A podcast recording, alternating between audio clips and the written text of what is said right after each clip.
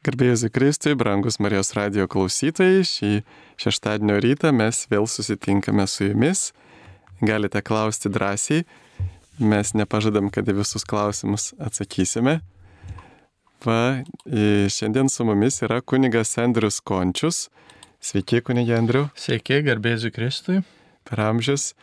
Ir kunigė Andriu, ką šiuo metu veiki gyvenime dabar? Mm. Uh, plačiaja prasme kunigauju. Konkrečesnė prasme esu Kaune, tarnauju Kauno Kristaus prisikelimo parapijoje bei dvasios tėvų kunigų seminarijoje. Taip pat rūpinasi beatifikacijos bylom dviejų Dievo tarnaičio Dėlis Drisytės ir Lenos Spirgėvičiūtės. Na ir kaip ten situacija? Ar jos jau bus paskelbtos palaimintosiomis, kiek maždaug procentų tikimybės galėtų būti? Procentą reiks pamatuoti, kol kas nematavau, bet galutinis sprendimas priklauso popiežiui ir kardinolams ir, ir, ir jų įvertinimui, jų sprendimui. Tai šitoj vietoj reikės nuolankiai išlaukti ir pasitikėti Dievo vedimu. Tai reiškia, popiežius turi viso pasaulio palaimintųjų tas bylas perskaityti, kur ten kiek, sakyk, puslapių buvo? E, tai surinkome apie 8000 puslapių, teisingiau tiksliai 8000 Adelis Dirsytės bylai, Lenai dar renkame. E, ir e, viskas turi būti susisteminta, o, o skaitys ekspertai vertins ir jie pateiks galutinės išvadas, galutinės santraukas popiežiui. Popiežių pasiekia vienas puslapis arba keli puslapiai ir jeigu jisai daugiau nori gilintis, tada jam dar duoda žinių. A, tai gerai, nes aš 8000 per gyvenimą neperskaityčiau, tai iš tikrųjų gerai, kad Vatikanas turi savo ekspertų, kurie mėgsta skaityti ilgas knygas. Na, va, viena e, moteris, mūsų klausytoja, davė mums tokių klausimų, kuriuos dažniausiai užduoda žmonės e, e mirusių artimiesiems. Ir jie nežino, pavyzdžiui, ar būtina pačiam fiziškai sutvarkyti kapus, nes, na, daugam tai tokia asmeninė tragedija, ar, ar, ar galima leisti, kad kiti tvarkytų kapus? Tvarkyti gali, kas tik tais moka ir nori. Du dalykai. kas moka ir nori tvarkyti. Ir ką moka. Kapus, ir, ir, ir gali tvarkyti. Tai yra visiškai laisvai. Įsivaizduokite, jeigu jūs esate mirusysius. Ir nu, sunku įsivaizduoti. Nu, neaišku, ar Dievas leidžia ar neleidžia matyti, bet jeigu jūs leidžia matyti, prie jūsų kapo ateinančius, tai argi jūs prieštarausite, kas tvarkys arba kaip tvarkys jūsų kapus, e, jeigu Dievas leis jums matyti ar ne. Tai iš Dievo žvilgsnio viskas yra gerai. Taip ir turbūt nereikėtų gal per daug sureikšminti tų tokių kūniškų dalykų, nes vis tiek jau žmogus paliko šitą savo kūną, jisai suyra, nors ir buvo šventosios dvasios šventovė, mes jį gerbėm. Čia prisimenu, kaip e, pirmieji krikščionys, jie viena vertus ir per daug nesureikšmindavo mirusiųjų kūnų, nes tikėjo, na, kad žmogaus tikrai gaus e, prisikelimą su naujų kūnų, bet kita vertus jie labai gerbė mirusiuosius, mirusiųjų kūnus ir kaip anksčiau romėnai laidodavo, taip krikščionis, tai yra atsiprašau, degindavo, taip krikščionis būtent pradėjo laidoti ir būtent pagonis nusižiūrėjo iš krikščionių va tą laidojimo pa, na, paprotį, tai e, mes tikrai gauname naują kūną, kuris tikrai bus panašus į mūsų šitą kūną. Na gerai, ir dar ar ant kapo būtinai turi būti žvakučių dvigubai tiek, kiek yra palaidotų žmonių. Svarbiausia, e, kad būtų širdžių žvakučių, degančių meilė ir malda už tuos, e, prie kurių kapų atėjome. Tai reiškia, tas žvakių skaičius nėra, nėra toks svarbus taip. O kodėl, ar turi būti lyginius skaičius? Svarbus būtinai? žvakių skaičius, ypač prekeiviams, kurie jomis prekiauja ir jie jums pasakys turbūt ne, ne dvigubai, trigubai reikia žvakių. Taip, taip. O ar turi būti lyginis skaičius ir gėlių ir žvakių? Žmonės klausia. žodis turi čia yra netinkamas. Gali būti visaip, kaip jums norisi. Gerai. Kokia yra pagrindinė pareiga tikinčiojo atėjus į kapus vėlinėms, mamos dienai, tėvo dienai ar kitiems minėjimams? Na, kokia yra tikinčiojo pareiga, kai jis ateina į kapines? Kuria prasme tikinčiojo Na, pareiga? ką, jis, ką žmogus turi daryti, kai ateina aplankyti Vėl savo... turi, o ką žmogus nori daryti? Labai svarbu, kad mes būtumėm nuoširdus ir, na, nematytumėm mm, vien to kapų aplankimo kaip kažkokios tai prievolės pareigos, kurią turime tarsi įvykdyti, bet kaip ryšį santyki, kuris išlieka, kuris išlieka a, mūsų šventųjų bendrystėje. Mūsų artimieji esame neregimam, bet tikram dvasiniam santykiui su jais kurį mums Dievas sujungia. Ir galime už juos pasimelsti. Svarbiausia pasimelsti. Tada klausimas tada, ar ne kam tada eiti į kapines, kad pasimelsti. Galima ir namuose, ir bažnyčioje pasimelsti. Žinoma. Žinoma. Bet čia yra kaip ženklas. Kaip ženklas to, kad a, mes, a, na, tokią kaip piligrimystę padarome dėl jų ir tai irgi tampa mūsų maldos dalimi. Ir netgi istorijai buvo tokie įvykiai, ypatingai prie šventųjų kapų, kad būtent prie šventųjų kapų įvykdavo įvairūs stebuklai. Prisimenu apie tokią šventą Hildegardą, buvo toks pasakojimas, kad jie, e, jai numirus, e, ji buvo palaidota vienuolinė ir ten žmonės pradėjo plūsti ir e, įvykdavo daug stebuklų. Ir tas labai trikdydavo vienuolino gyventojus ir viskupas tada paprašė, sako, šventoji Hildegarda, prašau čia nedaryti stebuklų, kad čia žmonės tiek daug nevyktų, nes mums čia reikia ramybės. Ir tada iš tikrųjų stebuklai liovėsi. tai iš tikrųjų, kad e, taip, tai yra tikrai ženklas tos, kur čia palaidota šventosios dvasios šventovė, kur žmogus gyveno ir mes, na, tarsi žmogiškai, tarsi prisiliečiam prie jo. Bet aišku, mes esame laisvi daž, galim tikrai dažnai pasimelsti už, už mirusiųjų sielas ir jeigu mūsų mirusieji jau yra danguje, tai Dievas tą maldą paskirs e, kokiai nors kitai mums brangiai sielai arba jam brangiai. E, Vėlinėms turi degti žvakė būtinai pirmą arba antrą dieną. Mm, Gali pakartot klausimą. A, ar, ar vėlinėms būtinai reikia uždegti žvakę arba pirmą arba antrą e, dieną, aš taip suprantu. Tai dar lapkričio. kartą svarbiausia uždegti širdies užtarimo maldos širdį. Svarbiausia. O visa kita yra, na, mūsų tradicijos ir mūsų, na, kaip sakyt, na, dar kartą įsivaizduokit, jeigu jūs esate amžinybei, jeigu esate skaistykloj ir jūs ateina jūsų artimieji ir apkrauna kapus gėlėmis ir žvakėmis ir sako, kaip mes tave gerbiam, kad e, prisimenam ir, ir net vienos maldos ir tau, na, to nieko, nieko Užgožia, geriau. taip, Tai taip. tu sakysi, du, ačiū, kad tai pagerbė tave, bet galėjot ir kokią maldą viešpačiai atsiųst, kad, kad aš galėčiau keliauti pas jį greičiau. Tai iš tikrųjų, tai yra, tai yra svarbiausia. Ir iš tikrųjų turėtumėm jaustis ganėtinai laisvi. Mes, krikščionys katalikai, turėtumėm jau- jaustis laisvi nuo papročių, nuo įpratimų, kaip turi, kaip žmonės įpratę, kaip dar kažką. Nes Nes tas santykis, tas Dievo vaikų laisvė, kurioje mes esame pašaukti mylėti, tarnauti ir, ir, ir užtarti. Ir tas, um, na, pats Jėzus vieną kartą taip gana atrodo apie šitą laisvę pasakė taip tiesiai ir, sakykime, taip netgi grubiai. Palik mirusiems laidoti savo mirusius, o tu sek paskui mane. Tai tas ryšys su Jėzumi, kuris yra mums kertinis. Taip, nes tik Jėzus gali tiem mirusiesim ir dovanoti amžiną laimę. Ir, bet aišku, turbūt e, įvairios maldos tinka, mes galime savo mėgstamas maldas kalbėti už mirusius.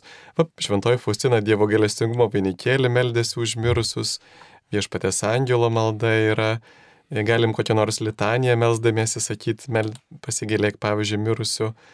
Taip pat yra klausimų, ar nuimti gėlės, vainikus, žvakės būtinai trečią dieną, 30 dieną. Žmonės galvoja, kad bus nuodėmė arba blogi dalykai nutiks mirusiam žmogui, jeigu nuims anksčiau negu 30 dieną. Tai yra prietarai. Prietarai, Jais gerai. esame, bet kokios baimės, kurios prilimpa e, prie mūsų, kada kažkur e, kažką padarysim, nedadarysim, kažkaip netai padarysim, blogai seksis ar panašiai, tai visais tais atvejais vėlgi melskime šintąją dvasę, kad nužengtų ant mūsų ir duotų mums laisvą, drąsę, širdį, iš tikrųjų matyti gyvenimą, na, plačiai, plačiai, ne per kažkokios tai pusiau maginius iš tikrųjų tokius įsivaizdavimus, kad kažką padarysiu ir nuo to jau kažkas blogai gausis.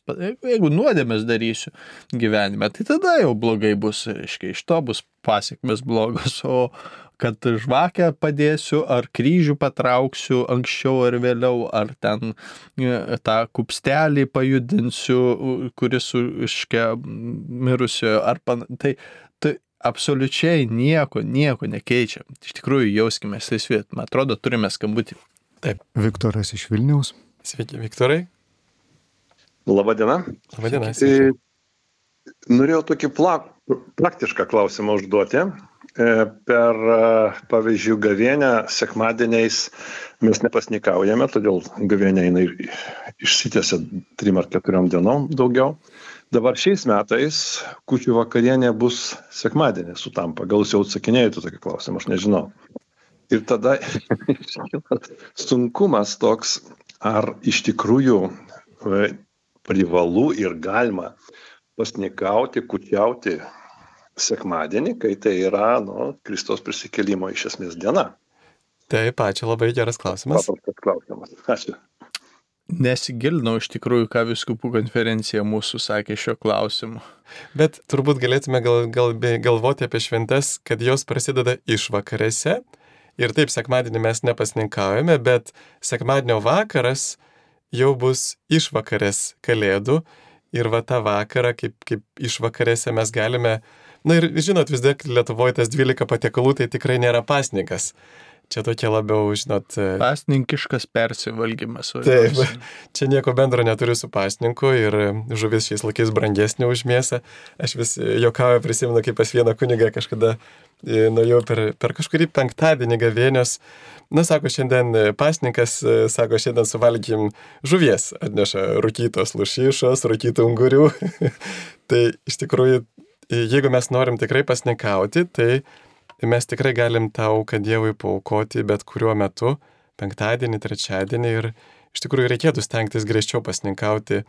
O čia, žinot, kūčių pasninkas, toks, ne, netiktų jo vadinti pasninku, tiesiog tokia tradicija. Plus, plus mes kučių pasninką tai nėra bažnyčios mokymas, bažnyčios tradicija, tai yra papro, paprotys lietuvių ir lenkų, kiek žinau, kitose šalyse neegzistuoja. Jeigu busit Italijoje, jie kučių vakarą geria šampaną. Ir tai yra toks e, paprotys, sakykime, itališkas. Ir jie absoliučiai neturi jokio pasninko. Lietuvoje turime šią tradiciją. Bet aišku, prieš šventes pasninkauti yra iš tikrųjų geras dalykas, mes tada, na, tai padeda mums pasiruošti šventį, bet tikras pasninkas, o ne 12 patiekalų, aišku. Taip, va dar čia nais trumpai dar tada pabaigsiu į tą mirusiųjų klausimą atsakinėti. Tai reiškia, iš tikrųjų tada e, šitie dalykai yra paprasčiausi prietarai. Pavyzdžiui, žmonių baimė neišmesti po laidotuvių uždegtų žvakių anksčiau nei bus 30 diena. Ar kur ten jas palikti, ar žemėje, ar, dar, ar jas visas sudeginti, ar ne. Tai tikrai būkime visiškai laisvi šito klausimu. Taip pat ir medinį kryžių nuimti, kada paminklas, pavyzdžiui, taip statomas galima ir kalnelį judinti galima, kada norime. Ir mirusiųjų vardadienius ir gimtadienius galime minėti tikrai e, drąsiai ir laisvai. Ir žiemą taip pat galime lankyti, tikrai mes ramybės nesudrumsime mirusiesiems. Taip, Taip. Ir, ir per Velykas ir Kalėdas irgi minėti galime, nes, na kaip mums tai yra liudesys, bet artimiesiems tai yra įžengimas jam žinai laimę ir tai visai nesikerta su šventėmis. Taip.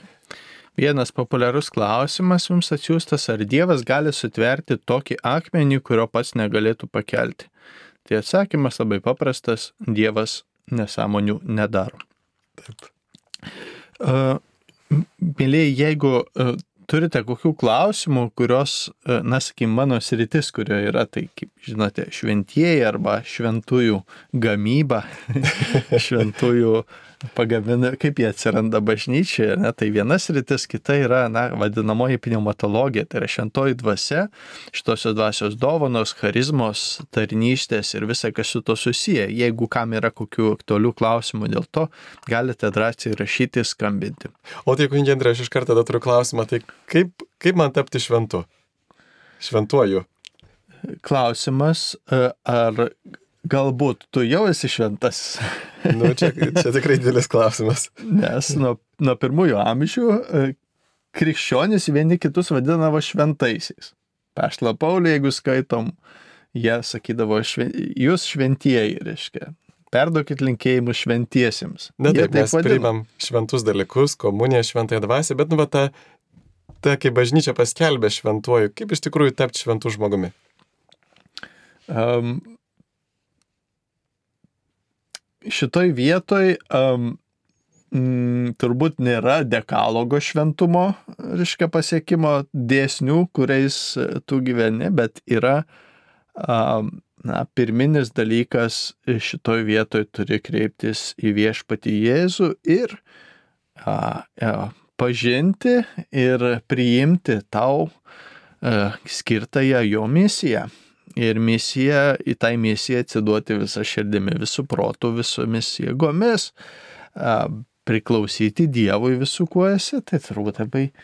Ir, ir ta misija gali būti, na, ne, čia mums yra kunigystės kelias, tai gali būti šventumas šeimoje, tai gali būti šventumas e, būnant gydytoju, tai gali būti šventumas būnant tose profesinių arba darbinių atžvilgių, bet, kuriams, bet kurioje srityje.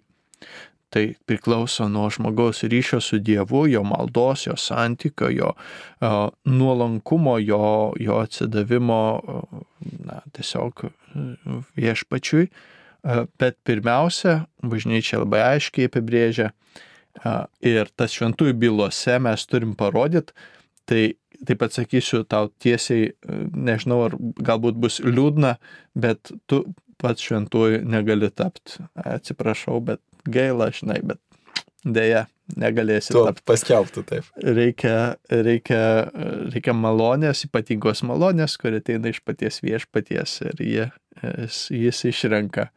Nors tikiu, kad bus išventuoju. Reiškia. Taip, daug dievė, taip, kad visi būtume šventaisiais.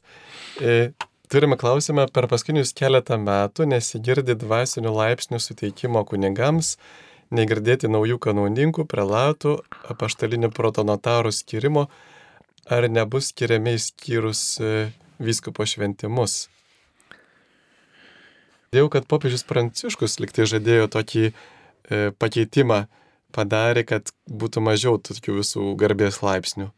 Taip, nes e, būdavo bėda, kada ypač jauni kunigai prisigaudavo jau kažkokius tai garbingus laipsnius ir tada atsiranda toks e, truputį, žinot, Aš Užreikia čia, nosį. aš čia jeigu ką netoks kaip čia visi kiti kunigai, reiškia toks ypatingesnis. Iš tikrųjų, Dievo akivaizdoje arba a, na, išganimo prasme ir, ir bažnyčios tarnystės prasme, e, tie visi laipsniai kaip kanauninkai, monsinjorai, prelatai ir visi kiti, na, tokie a, garbingumo arba e, kažkokio tai kunigo na, pabrėžtinumo laipsniai, jie, jie niekuo neprideda daugiau kažko prie tavo kunigystės.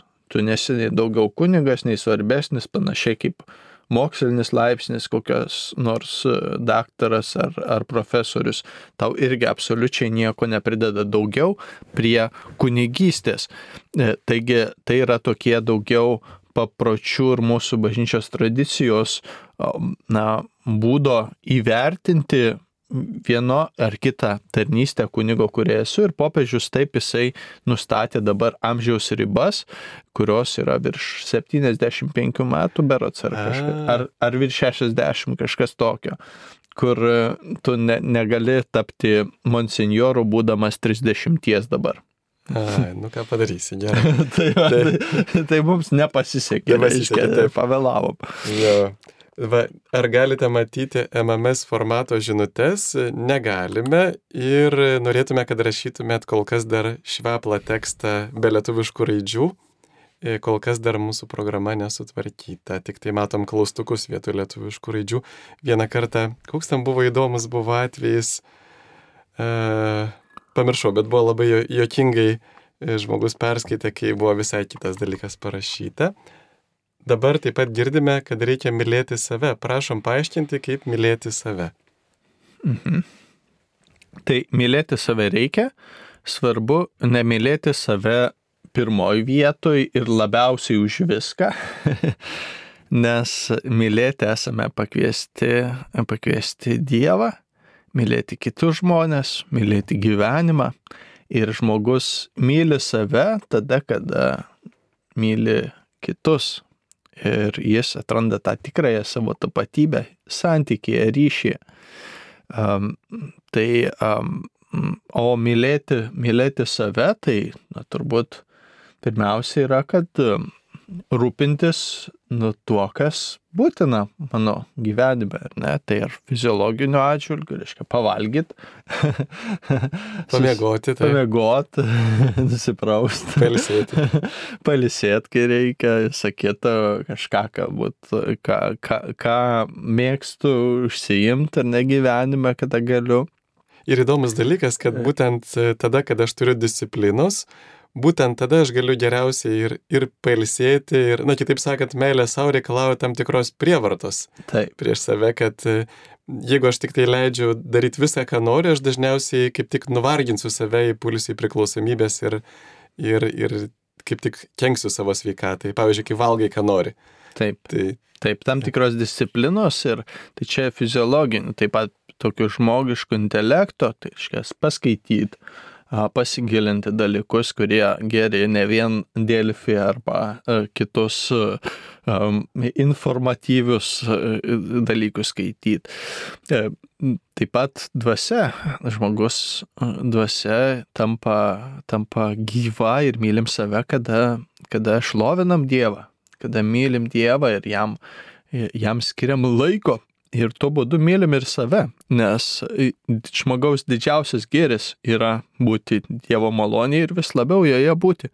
Žmogus iš tikrųjų tampa ir laimingas, ir, ir, ir tikras, tegul ir, ir susiduria su visais iššūkiais, sunkumais, kurie mus lydi, bet, bet tada, na, toje, kada, nes žmogus yra trys sluoksniai kūnas, siela, dvasia, tad reikia rūpintis visais trimis matmenimis ir tada jau ir žiūrėti ir, ir, ir, ir kaip esame, na, Dievo plane. Taip, e, mano vaikystėje kunigai gazdino pragaru, dabar moko apie Dievo gailestingumą. Kodėl taip keičiasi bažnyčios mokymas, klausė Gedas. Mhm. Um, tai tiesiog uh, ant kokių tikriausiai tenka papulti kunigų, ant tokių ir, na, tokią patirtį ir turime. Tikriausiai jūs vaikystėje gedai uh, buvote kažkokioje vienoje parapijoje, kur kunigas turėjo savo pamokslavimo stilių.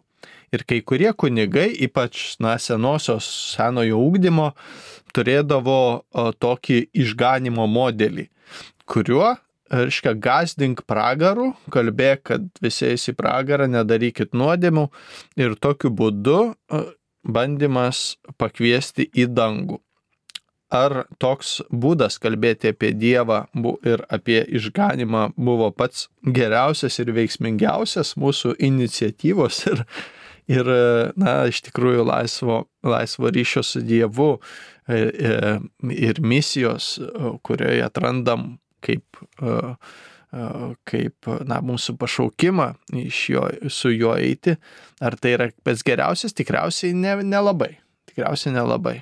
Taip kaip ir vaikus auklėti vien gazdinant ir draudžiant ir baudžiant, um, iš tikrųjų neugdai asmenybės, bet tu atvirkščiai gali sukurti kompleksų ir visą kitą ir bažnyčia tiesiog dabar iš tikrųjų ir dabar kalba apie pragarą, nes tai yra egzistencinė tikrovė, Tai yra labai reali galimybė žmogui patekti ir ten, ne vieni dangų.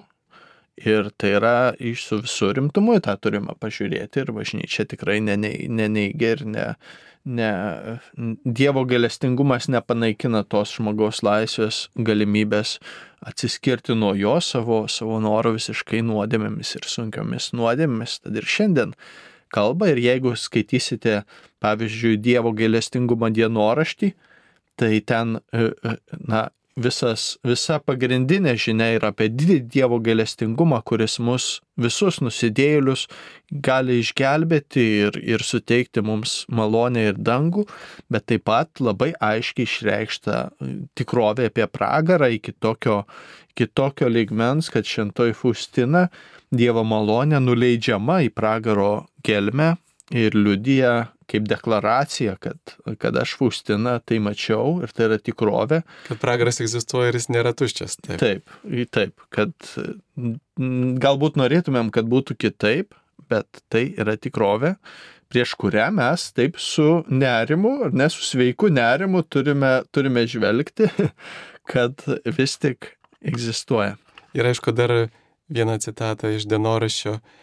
Sako, anksčiau siūsdavau pranašus su grausmingais, e, gaz, na kaip su grausmais pas žmonės, bet dabar nenoriu bausti išvargintos žmonijos ir ateinu, siunčiu tave su gėlestingumo žinia ir paskui sako, kad paruoštum pasaulį e, mano antrajam ateimui. Na, žodžiu, kad prieš teisingumo dieną, dabar yra gėlestingumo laikas prieš tą didžiąją ir baisę teisingumo dieną. Tai vad e, tarsi viena vertus ir mes esame išvarginti ypatingo piktosios dvasios polimo ir išbandymo bažnyčios. Ir jeigu dar kalbėtume apie teisingumą, kai mes ir patys esame daugybę nuodėmę prisidarę, tai gali nuvaryti žmonės į neviltį. Tai va Dievas kartu, kita vertus jis neatskiria teisingumo nuo gailestingumo. Pavyzdžiui, jeigu išmušiai langą, tai turi ne tik, kad tau atleidžia, bet tu turi ir susimokėti už jį Ir tą patį padarė Jėzus, kad jisai ne tik atleidžia mūsų nuodėmės, bet ir pats iškentėjo bausmę už jas. Taip, mums reikia priimti Jėzų, kad patirtume išganimą. Dar buvo vienas klausimas apie Gražiną Kadžytę, jos laidas.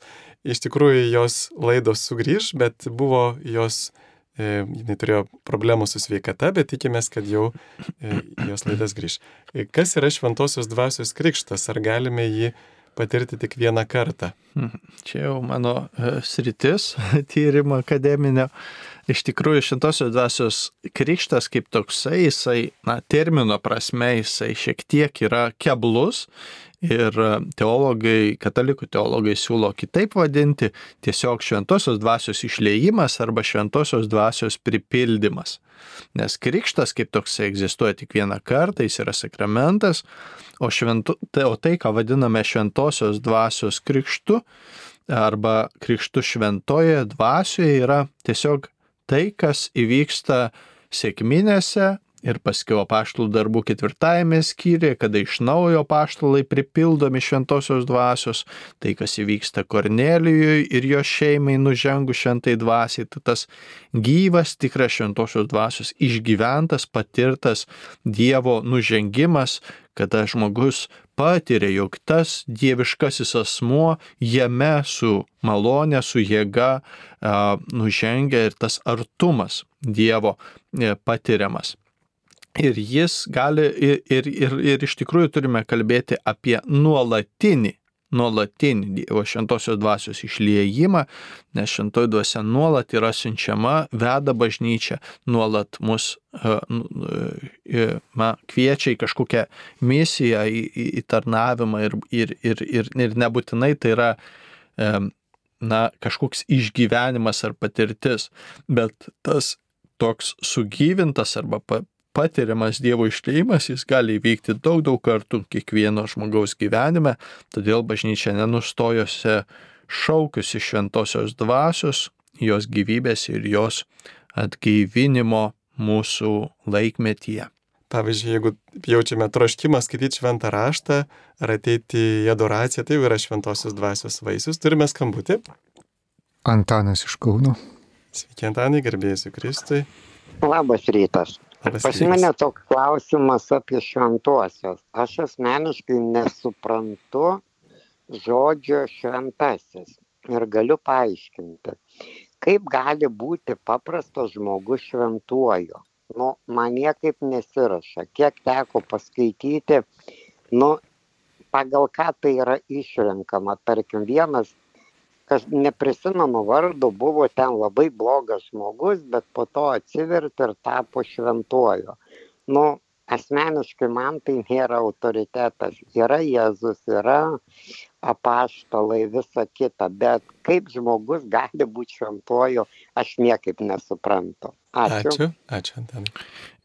Iš tikrųjų, tie šventieji, kurie gyveno čia žemėje, dažnu atveju jie irgi niekaip nesuprato, kaip jie galėtų būti šventaisiais. Nes žmogui tai yra neįmanomas dalykas. Ir iš tikrųjų šventumas yra Dievo didžio gailestingumo vaisių žmoguje. Ir žmogus gali būti ir didžiausias nusidėjėlis ir patirti atsivertimą, kaip Augustinas, išdidus susireikšminės filosofas, einantis per moteris ir tampa vienu svarbiausių bažnyčios mokytojų ir, ir, ir didžiu švies, šviesuliu mūsų bažnyčioje, ar ne vyskupų. Taigi Dievas padaro tą perkeitimą ir iš tikrųjų jis jį padaro iš visiškai paprastų žmonių, tokių kaip mes kiekvienas. Tad neturim pasiteisinimo, kad Dieve, tu čia tuos šventuosius ypatingai tarsi palaiminai, o kas aš čia toks, žinai. E, Esam kiekvienas, absoliučiai kiekvienas vienodai kviečiamas į kelionę su Dievu, nors ir kovojam savo kovas, turim laimėjimus ir pralaimėjimus, einam iš pažinties, atgailaujam prieš viešpatį, Dievas yra mūsų pusėje ir galima sakyti tie šventieji, kurie buvo, na, kaip mes va, sakysime, e, nusidėliai akivaizdžiai ir jie po to patyrė Dievo malonę tokiu, tokiu ypatingu būdu, kad net bažnyčia juos atpažįsta kaip šventuosius. Tai mums yra paguodos ženklas ir padrasinimo ženklas nenusivilti, neišsigasti, e, nenustoti vilties, jeigu vėl kažkur prisidirbam, nusigrėžiam nuo viešpaties vienoje kitoje srity, bet keltis ir, ir žengti į priekį. Bendraja prasme, kiekvienas žmogus, kuris nueina į dangų, yra šventasis. O bažnyčioje išrenkami šventieji, tuos, kuriuos beatifikuojame, paskelbėme palaimintaisiais ir tada kanonizuojame, paskelbėme na, šventaisiais. Ir tada į juos, į, į juos galime melstis ir liturginėje maldoje. Tai yra ne žmogaus užmojis, kad mes tarsi savo lyderius arba savo kažkokius, na, mums norimus iškelti pavyzdžius pateikiame, bet bažnyčioje kertinis principas toks iš tikrųjų svarbiausias principas, kuriuo vadovaujasi šventųjų skelbimo dikasterija, yra atpažinimas Dievo valios, Dievo troškimo mums parodyti į vieną iš savo vaikų mūsų tarpe, kaip tą, per kurį jis mums nori kai ką pasakyti. Kai ką priminti apie Jėzaus Kristaus Evangelijos dalykus šventasis nieko, kiekvienas, kuris yra skelbiamas šventuoju, jisai nepateikia kažkokios kito mokymo, kitos evangelijos, bet tiesiog atspindi ir sudabartina tai, ką Jėzus mums atnešė į šį gyvenimą. Tai galima sakyti yra laiko ženklas, kurio Dievas mums prabyla apie mūsų kelionę su juo. Tai aš dar trumpai papildžiau citatomis. Senajame testamente kunigų knygoje būkite šventi, nes aš esu šventas. Reiškia, Dievas liepia e, tam ir duoda jėgų. Arba Jėzus sako, mokykitės iš manęs, nes aš romus ir nuolankios širdies. Arba Paulius sako, jeigu gyvename dvasia, tai elkimės pagal dvasę. Arba Jėzus sako, ne kiekvienas, kuris šaukia viešpatė viešpatė į dangaus karalystę, bet tik tas, kuris vykdo mano dangiškojo tėvo valią. Taigi, aiškiai matome, kad yra dovana, bet yra ir užduotis. Ir jeigu mes neduodame vaisių, tai tas medis, kaip sakoma, bus išpjautas. Taip, tai turime skambutį. Klausytoja Irena. Taip, Irena, klausome jūsų. norėjau sužinoti, kuo skiriasi dvasia ir siela. Tai Taip, ačiū. mane neramina. Ačiū. Mhm. Tai iš tikrųjų turėtų labai raminti, nes jūs esate ir dvasioje, ir esate siela. Mėlyjeji yra toks labai mm, svarbus supratimas apie mus, apie mūsų būti, kas mes esame. Iš tikrųjų, iš tikrųjų dabar pasakysiu tokią jums uh, sunkę, uh, sunkę žinę. Mėlyjeji, jūs neturite sielos jūs neturite sielos. Jūs esate sielos. Taigi mes iš tikrųjų esame sielos, esame Dievo sukurti amžini. Ir esame kūnai, pašaukti ir įkūnyti, ir tai yra gėris. Mūsų siela, mūsų kūnas yra gėris. Dievas mūsų norėjo. Jis apie mus svajojo.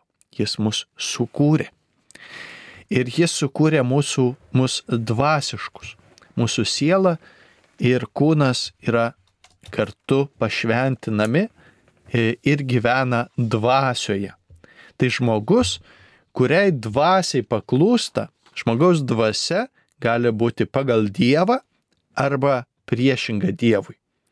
Ir žmogus gali gyventi laiminimo dvasioje, gali gyventi prakeikimo dvasioje, gali gyventi e, gerumo ir meilės dvasioje, gali gyventi pavydo ir neapykantos dvasioje. Taigi dvasia atliepia žmoguje, ar jis gyvena pagal Dievą, ar prieš kažką, kas priešinga jam.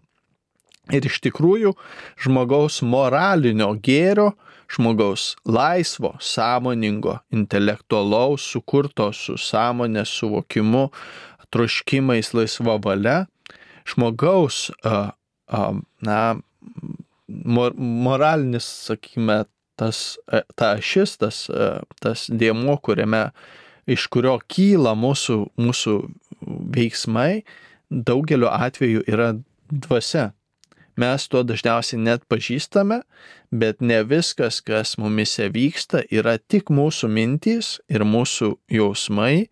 Daugeliu atveju esame pastumėjami arba Dievo, arba ne Dievo. Tomas Akvinietis kalba apie labai konkretų žmogaus atsidavimą Dievui, būtinybę būti pašvenčiamojoje maloniai, kad Dievas mus vestų ir judintų kartu su juo link jo ir tame, kas yra gera, rink, renkantis dorybę ir tai, kas yra na, pagal Dievo pašaukimą. Ir lygiai taip pat piktoji dvasia mus gundo įvairiausiais būdais rinktis arba, arba kažkur būti ne pagal tai, kas yra iš tikrųjų gėris mūsų ir laisvė ir laimė dvasinė prasme.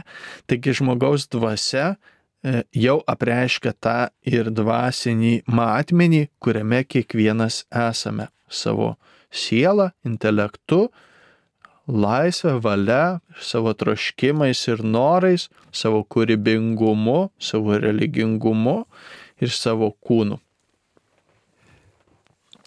Turime Tai tik tai daug dar trumpai dar papildyčiau, kad e, kas padėtų atskirti, kad siela tai yra gyvybės principas, pat žodis reiškia psichė, reiškia gyvybė, Čia iš biblinio žvilgsnio. Taip. taip, ir dvasia yra, na, tai, kas yra priešinga materijai. Pavyzdžiui, ir Dievas yra dvasia, tai kitaip sakant, ne tik kad priešinga, bet kas yra nematerialu, tą norėjau pasakyti. Ir Dievas yra dvasia, ir, ir sukurtos angelų dvasios, puolus, puolė angelai, žmogaus dvasia, žmogaus siela, ta žmogaus gyvybės principas, kaip Tomas Akvinėtis sakydavo, kad tai yra dvasinė siela, nes e, jisai sekė irgi Aristoteliu, kuris sakydavo, kad štai yra augalinė siela, gyvūninė siela ir, reiškia, protinga siela. Tai va, jis tą turėjo minti, kad yra gyvybės principas, yra augalų gyvybė, augalinė gyvybė, gyvūnų gyvybė ir yra žmogaus protinga gyvybė. Bet čia, reiškia, Tomas Akvinėtis savo, kad tai yra ne tik gyvybė, bet tai yra kartu ir mes esam gavę iš Dievo tą dvasę. Tai todėl Tomas Akvinėtis vadina žmogaus sielą kaip dvasinę sielą. Tai va čia turbūt ateina nesusipratimas per Aristotelio filosofiją, kad jis vadina ten augalinę sielą ir taip toliau. Bet paprastai tariant, tai e, mes dvasia tai yra tai, kas yra nematerialu, kas yra Dievos dvasia arba Dievo sukurta. Žmogus turi dvasę, o siela tai pažodžiui yra gyvybė, gyvybės principas. Taip. E, e, gal net nėra pašaukimo iš iš pašaukimo yra skirtingi keliai į šventumą Dievo. Yra skirtingi keliai, tikrai taip, kaip mes kiekvienas esam labai unikalūs ir skirtingi. E, ir e, tai kiekvienu to atveju tai yra pašaukimas iš Dievo, taigi iš jo ateina. Labai geras klausimas, mėlyjeji. Jei kunigai tokie geri, Tai kodėl dauguma tikinčiųjų bijo tų kunigų ir sako geriau su jais nesusitikti? E, kiek susiduri, sigitai, su, galbūt nepasako tikintieji, kad jie mūsų bijo kunigų, ar, ar, ar būt, nepasako, galbūt, galbūt taip. ir nedauguma bijo. Aš atsimenu vaikystėje bijodavau klebono, nes klebonas toks, žinai, uh, reiškia, tvirtas, didelis, principingas, tai. didelis ir aš tokio jo bijodavau iš tikrųjų, kai vaikas buvau. Bet turbūt čia yra va, ta mūsų gal puikybė žmogiška, kad įsivaizduojame, kad kunigas yra kažkuo tai aukščiau žmonės ir tada, na, iš tikrųjų tai yra blogis, nes, e, na, juk šetonas yra puikybės dvasia, o Dievas yra meilės dvasia ir Jėzus mus mokė būti orumus nuolankius, bet mes visi esame nuodėmingi Tai šiuo atveju tai yra nuodėmė būti pasikėlusiam į puikybę, bet taip jau nutinka, ne, ne vienam ir, ir neretai. Taip, bet kodėl dar gali bijot kunigų, tai a, Dėl teisimo gal tokio galbūt, žvilgsnio. kaip aš sakau, kartais kunigai užsima labai daug, na, mo, jie yra kaip moralės saugotojai, ne? Ir kiekvienas žmogus, panašiai kaip policininkas, žinai, atrodo nieko blogo nedarai, bet pamatai policijos ma, kažkokią, žinai, mašiną ir tave kažkoks nerimas suima, žinai. Nu kodėl? Taip, Juk tu viskas gerai, važiuoji pagal taisyklės, bet gal aš kažką netaip darau, žinai. Tai čia dvasinė ir moralinė prasme žmogui gali būti psichologiškai psichologinis momentas šitoje vietoje, ne? Tačiau kartu, kartu svarbu suvokti, kad kunigas tai yra patepimas patepimas ir misija iš Dievo. Tai yra įdėtas vidinis, vidinė dvasinė um, tarnystė kuri veikia ir dvasinių matmenių. E, ir e, žinau žmonių, kurie, pavyzdžiui, e, į egzorcistus, reiškia, kunigai, kurie paskirti egzorcistais, jie jų prisibijo ir vengia. Sako, aš bijau, nes atrodo, mane išskaitys keurai visas mano nuodėmes. tai kunigai tikrai neturi jokios dovanos išskaityti žmogaus keurai, žinai, žinot. Galėdavo keurai, tai. Gal jo, bet išpažinti tam, kad Dievas atleistų, ar ne, reiškia, bet, bet iš tikrųjų Dievas mus pažįsta tobulai ir mes, na, iš tikrųjų turėtume būti nuolankus, kaip Sigita sako, ta prasme, kad nebijoti savo tikrovės priimti, kokie esame ir, ir, ir, ir, ir, ir, ir nes nebijoti, kad čia būsime nuteisti, atstumti ir panašiai, bet, bet žinot, Dievas ateina tas, kuris mus išlaisvina ir gydo. O kartais būna ir priešingai, kad kunigas stoja į tokią gynybinę poziciją tada, kada pats jaučiasi teisiamas. Kartais tikrai, va, aš labai dažnai jausdavau, kai eini aukoti mišių ir tikrai labai dažnai jautiesi teisiamas žmonių, kad ten kažką netai padarė. Ar...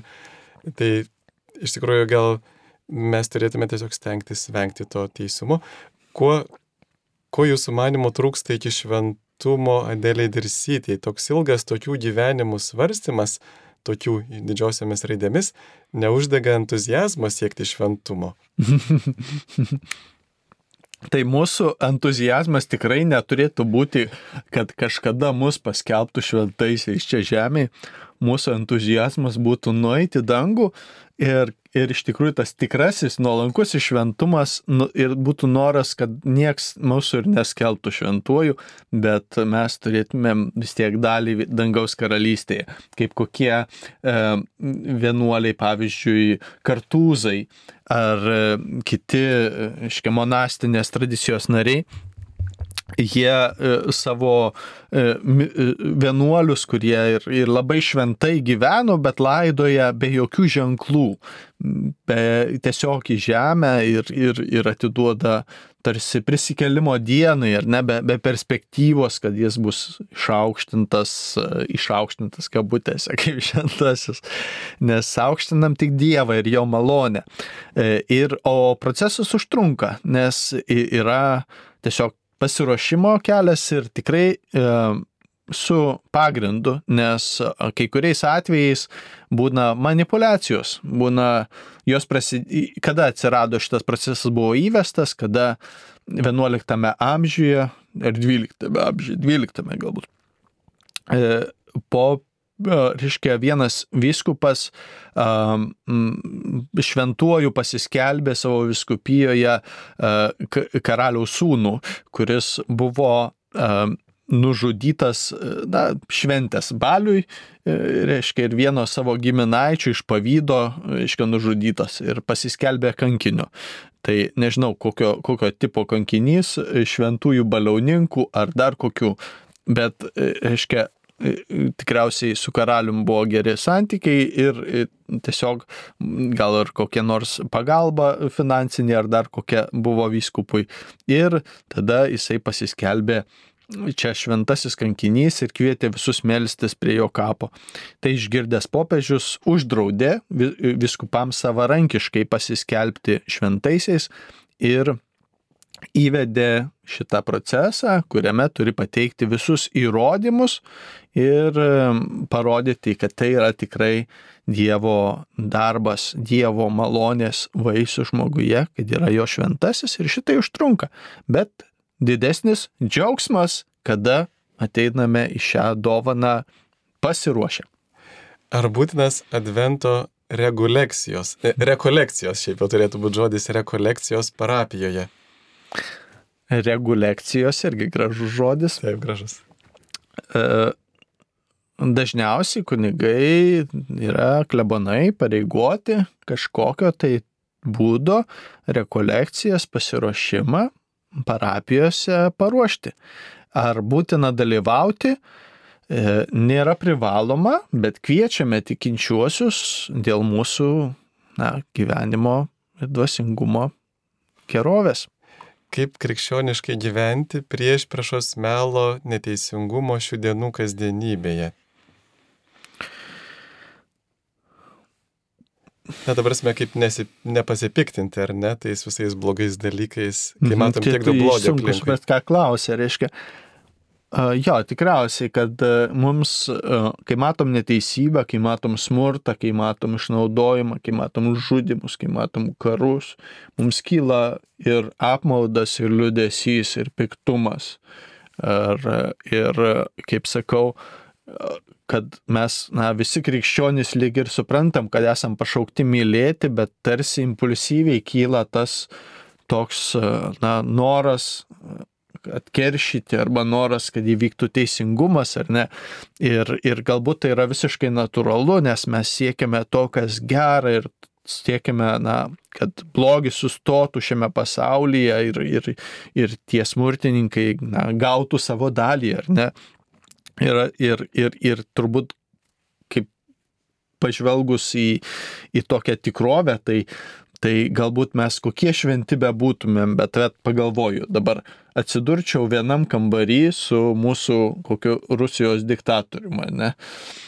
Ir, ir, ir, ir, ir man kas nors paduotų šautuvą, reiškia. Tai, žinot, nežinau, bet tikriausiai nusidėčiau sunkia nuodėmė. Atrodo, krikščioniškas kelias būtų kitoks, bet e, štai ar ne, tarsi žmogiškai atrodo čia vienintelis ir didesnio gėrio principų susivadovauti, ar ne? Tai mums kyla šie jausmai, bet iš tikrųjų juos patikėkime Dievui, nes jeigu užsikrėsime neapykantą, mes netapsime nieko geresni už tuos, kurie vykdo tą blogį. Turim skleisti ramybę ir čia tik tai, kaip Tomas Akvinėtis sako, tą teisingą pyktį gali padėti nugalėti tik gailestingumas. Ir va dar turime skambutį. Aldona iš Kauno. Taip. La, labas rytas. Sveiki, garbė Kristui. Taip, Alio. klausome jūsų. Aš girdžiu jūs, kunigė, končius jūs, laikot prisikėlimų mažoj bažnyčioj mišes. Nu labai gražu, gražiai laikot, visi ten tie kunigai, daug jūsų ten yra, tai bažnytėliai, bet kad jūs taip kalbat negarsiai, atrodo, kad savo tas mišes palaikot, o žmonės nieko negirdi, ypatingai sekmadienį, kada visi eina iš bažnyčios, aš daleiskim pasilieku dar pabūti. Tai girdisi, kai vieni pas kitus klausia, ką ten sakė, net skelbimų negirdi. Ačiū, mačiute, ačiū.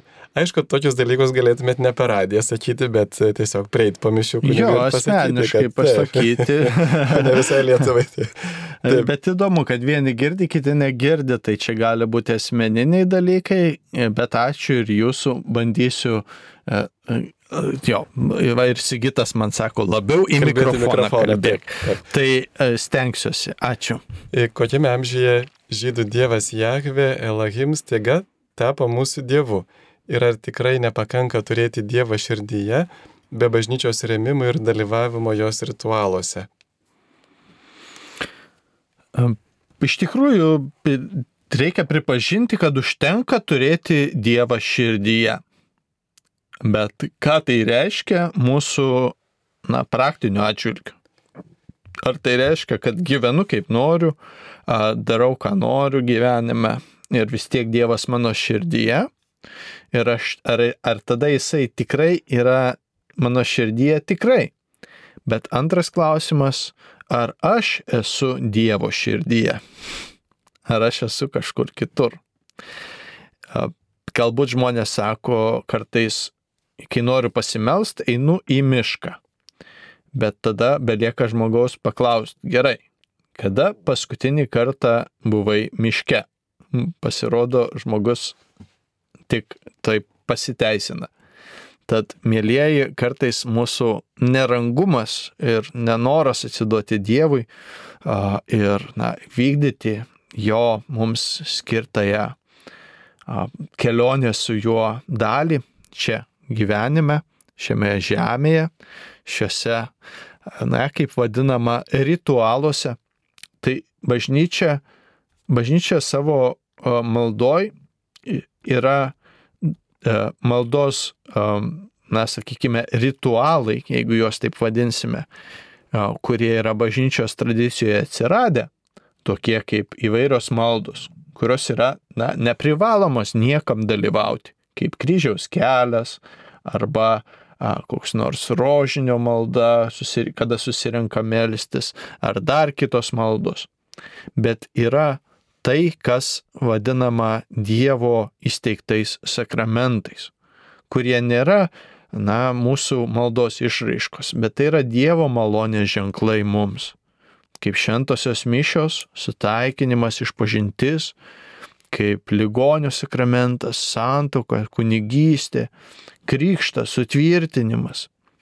Tos didžios, didžios Dievo malonės dovanos, kuriomis mes galime jas priimti, galime nepriimti. Galime sakyti, kad tai man, gal aš pamėginsiu kitų būdų. Mėgink, bet tai atrodo gali būti, na, ir ne visai sėkmingas išgyvenimas santykio su Dievu, jeigu atstumėme tuos pagrindinius jo malonės ženklus ir dovanas mūsų gyvenime. Aš dar trumpai įkišiu savo trigrašį.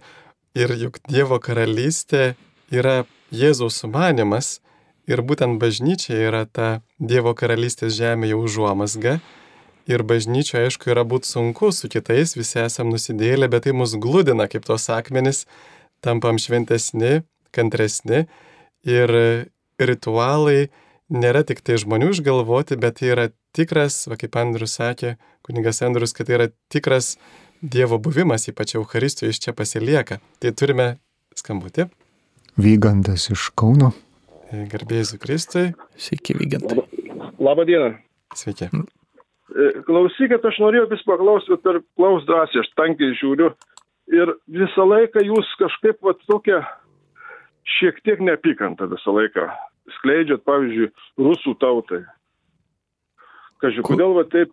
Kuria prasme? Galit patikslinti? Nu, nu pavyzdžiui, dabar va, neseniai girdėjau. nu, jeigu atsidurčiau su kažkokiu va tenai šalia, ir aš turbūt nušaučiau ten jį, arba nu, kažkaip.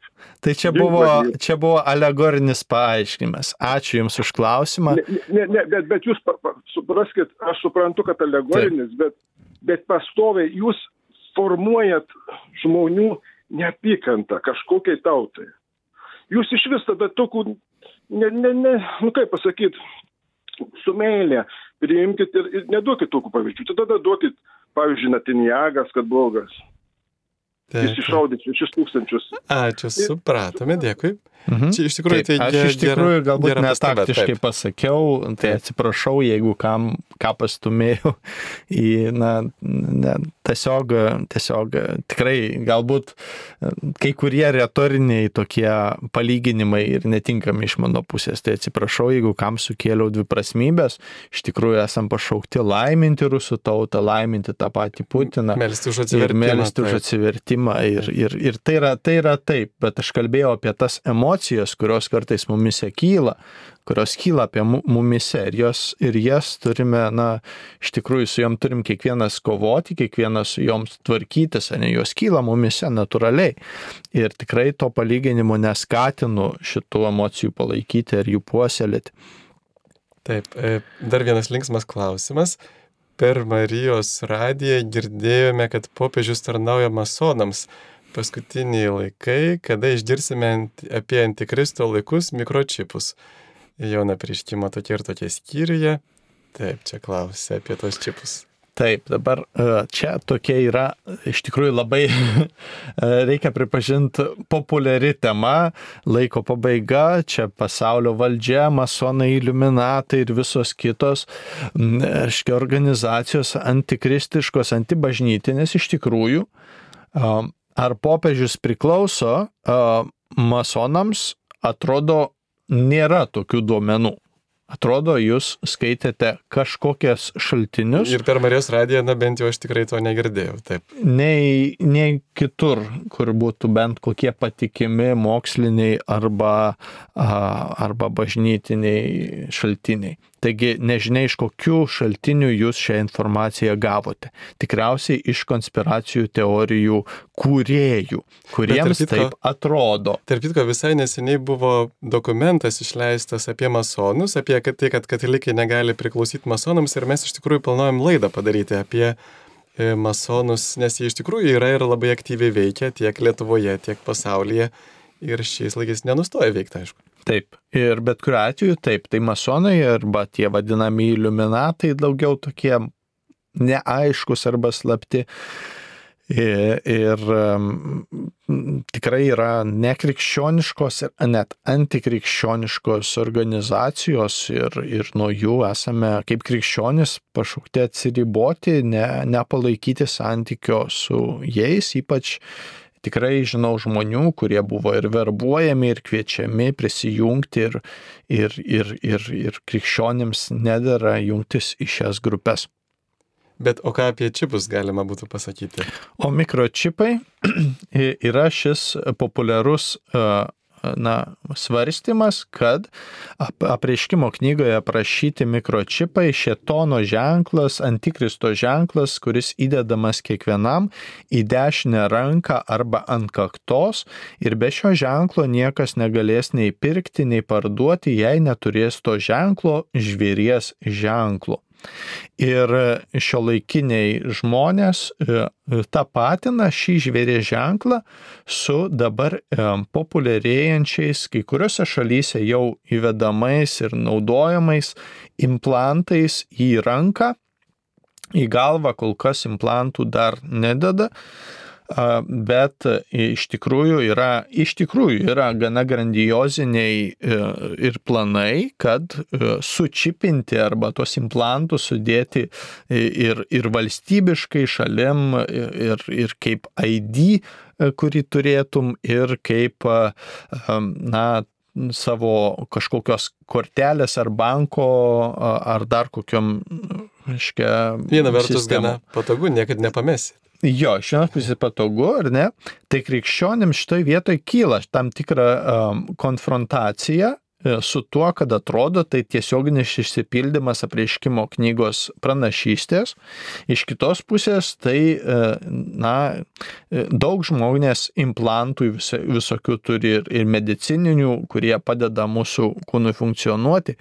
Bet šitoje vietoje reikia labai atsargiai, taip pat tikrai turime budrumą turėti, nes um, na, į, į, mūsų kūnai yra šventovės, šventosios dvasios, ar ne, ir, ir, ir su perspektyva į ateitį nežinome, ko laukti turime saugoti savo, savo laisvę ir integralumą, e, tačiau reikia neužsisukti ties kažkokiam baimėm, kad čia dabar jau kontro, kontroliuos, ar, žodžio, visus čia sučipins ir kas jau įsidėjo tą implantą, jau viskas e, šetonui parduotas ir panašiai. Čia turbūt ta maginė pasaulyje žiūra, kad kažkas atsitinka, kai tu išoriškai kažkokį veiksmą padarai, bet iš tikrųjų tai mes šetonui galime tik tai tada jo ženklą turėtume, kada, na, kakta tai yra mūsų mintis, e, ranka tai yra mūsų darbai.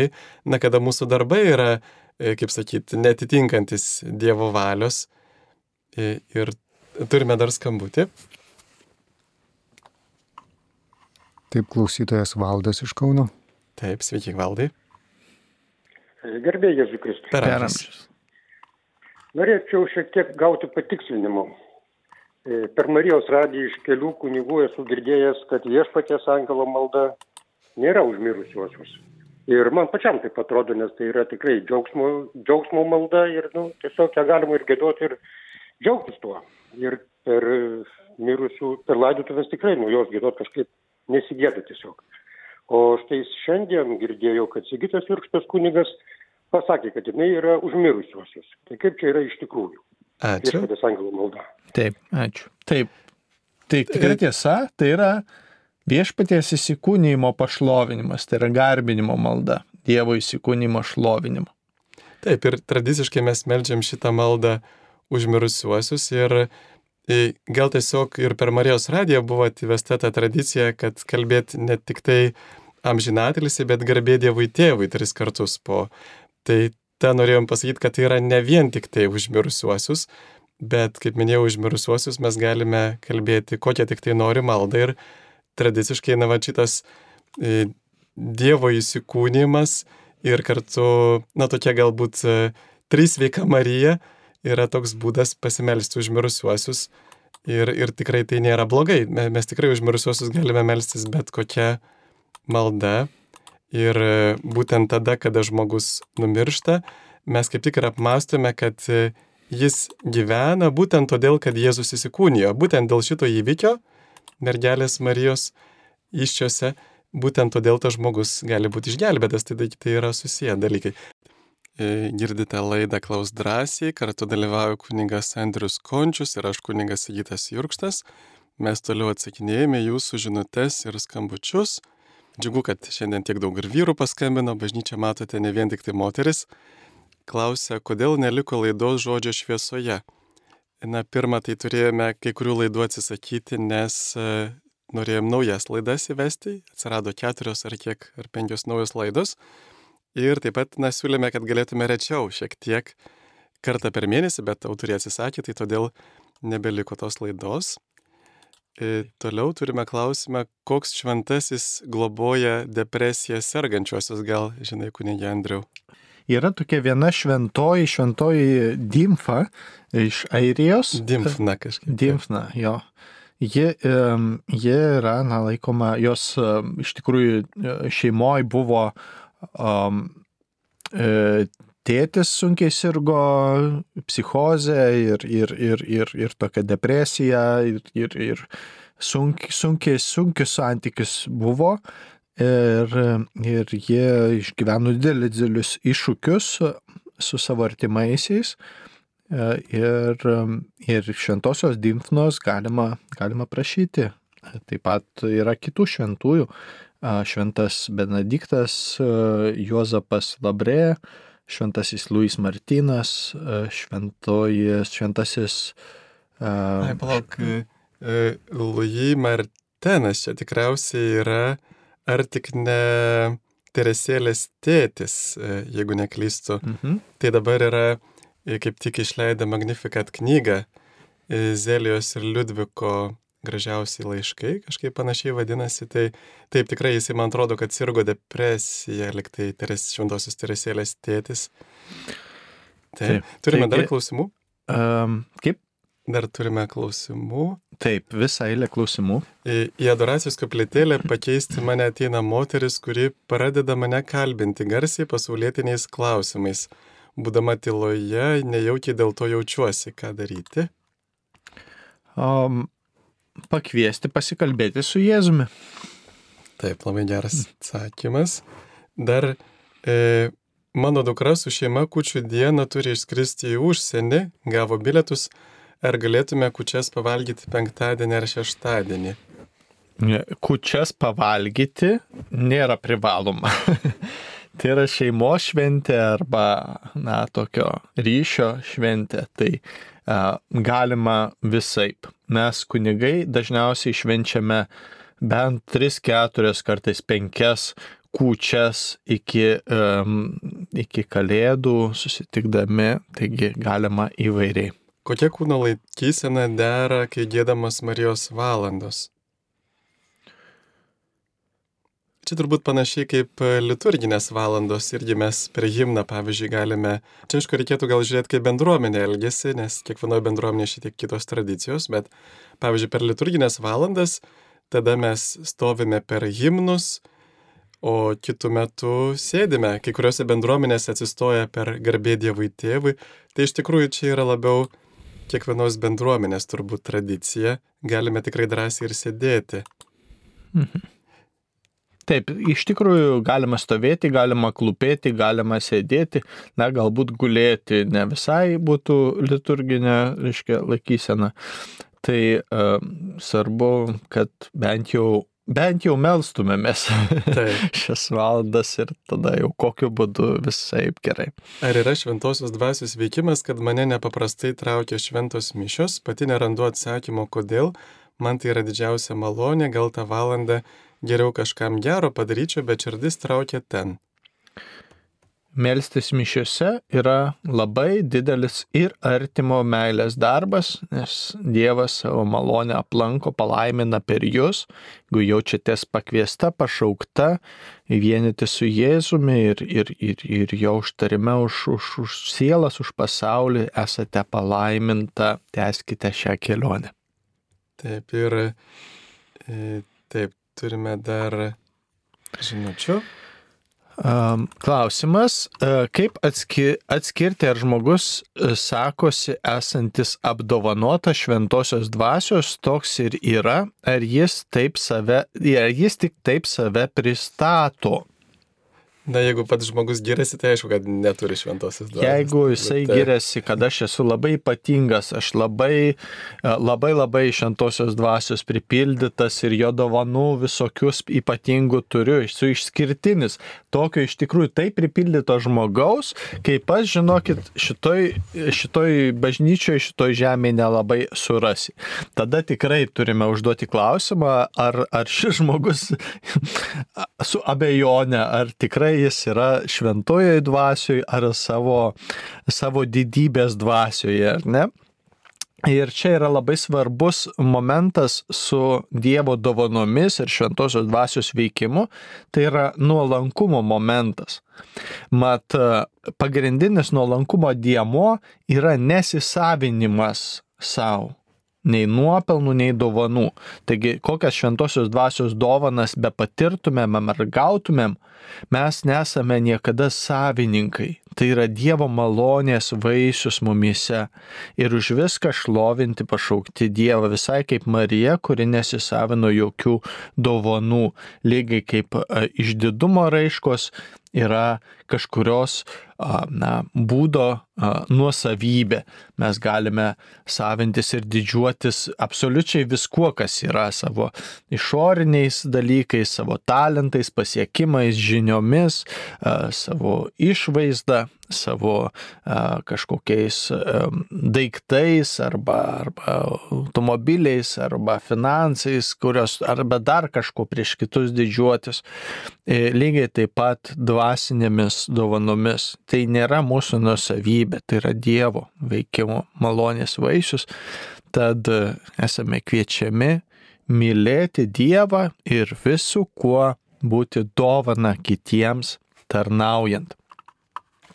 E, Abromas vedė savo tėvo dukrą, ne mamos dukrą, Jokūbas vedė savo pusės Rachelę, e, giminaičiai vedė Izokas Rebeka, Boazas Rūta, netgi Marija su Juozapu buvo giminaičiai, e, bet mūsų kartai neleidžiama apsivesti giminaičiams dėl kraujomašos, o tai senais laikais kraujomašos kaip ir nebūdavo, kodėl taip viskas pasikeitė. Na, ne visai bibliniai čia yra jūsų pastebėjimai, nežinau, iš kur jūs tokius faktus iki galo atradote, tad mes tiesiog nelabai kaip turim atliepti, nes atrodo yra netikslumai jūsų argumente.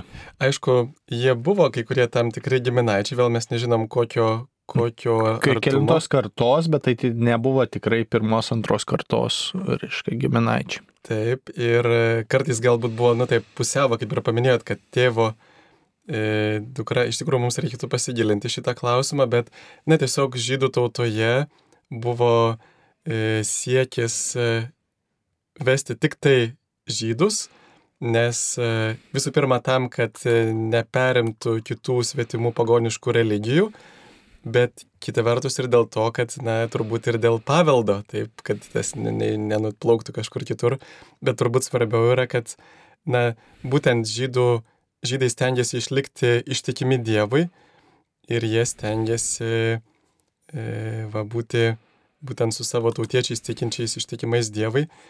Bet vėlgi dėl, dėl kraujomašų šitų dalykų čia turbūt reikėtų mums pasigilinti, pasistengsim per kitą kartą kitoje laidoje atsakyti. Gerbėsiu Kristui, kur kaip jauni kunigai matote bažnyčių tuštėjimo priežastis? Ar klero nuolaidžiavimas karaliukams ir kai kurių atotrukis nuo avelių neveda prie tuštėjimo? Ačiū už jūsų dravą. Hm? Iš tikrųjų, turime tą vadinamą sodybų tuštėjimo metą, bažnyčių tuštėjimo metą, kada mažėja žmonių.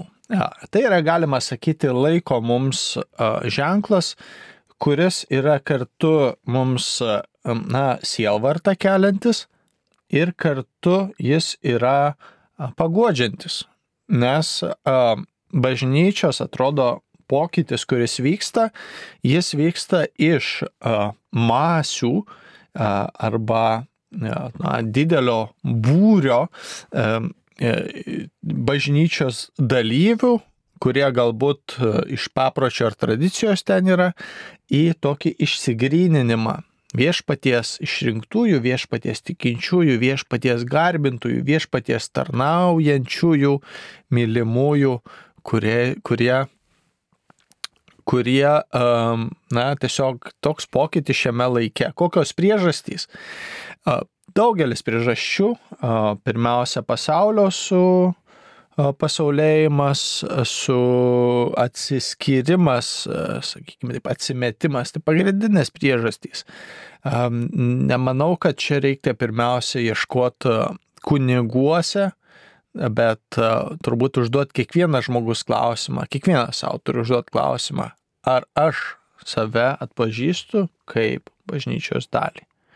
Ir turbūt šitonas randa būdų įsiveršti į žmogaus gyvenimą ir jį atitraukti nuo Dievo ir nuo bažnyčios um, savo pasiūlymais šiame laike, kuriame daug blizgučių pasaulyje, daug uh, kas mums blizga ir traukia labiau negu ateiti pas Jėzų.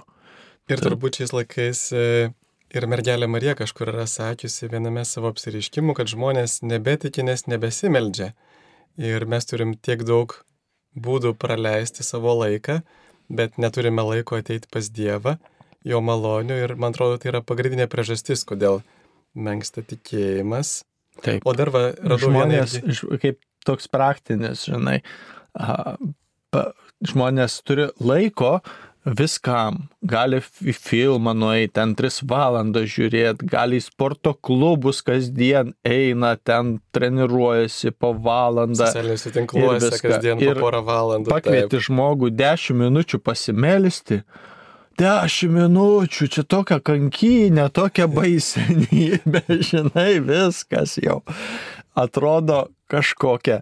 Taigi, iš dvasinės pusės galim suvokti, kad yra tam tikra, nu, turime tikrai, na, vadiname dvasinis aplaidumas, ne, kad mes tarsi nebesirinkame Dievo kažkodėl, nes už, už, užkišame savo gyvenimą labai labai daug dalykų, kurie galbūt ir geri, ne, nėra blogi dalykai, bet jie turi irgi turėti savo, savo vietą kartu su Dievu, su kuriuo einame. Ir dar suradau, taip, dar porą trumpų minčių apie praeitą klausimą dėl tos kraujomaišos.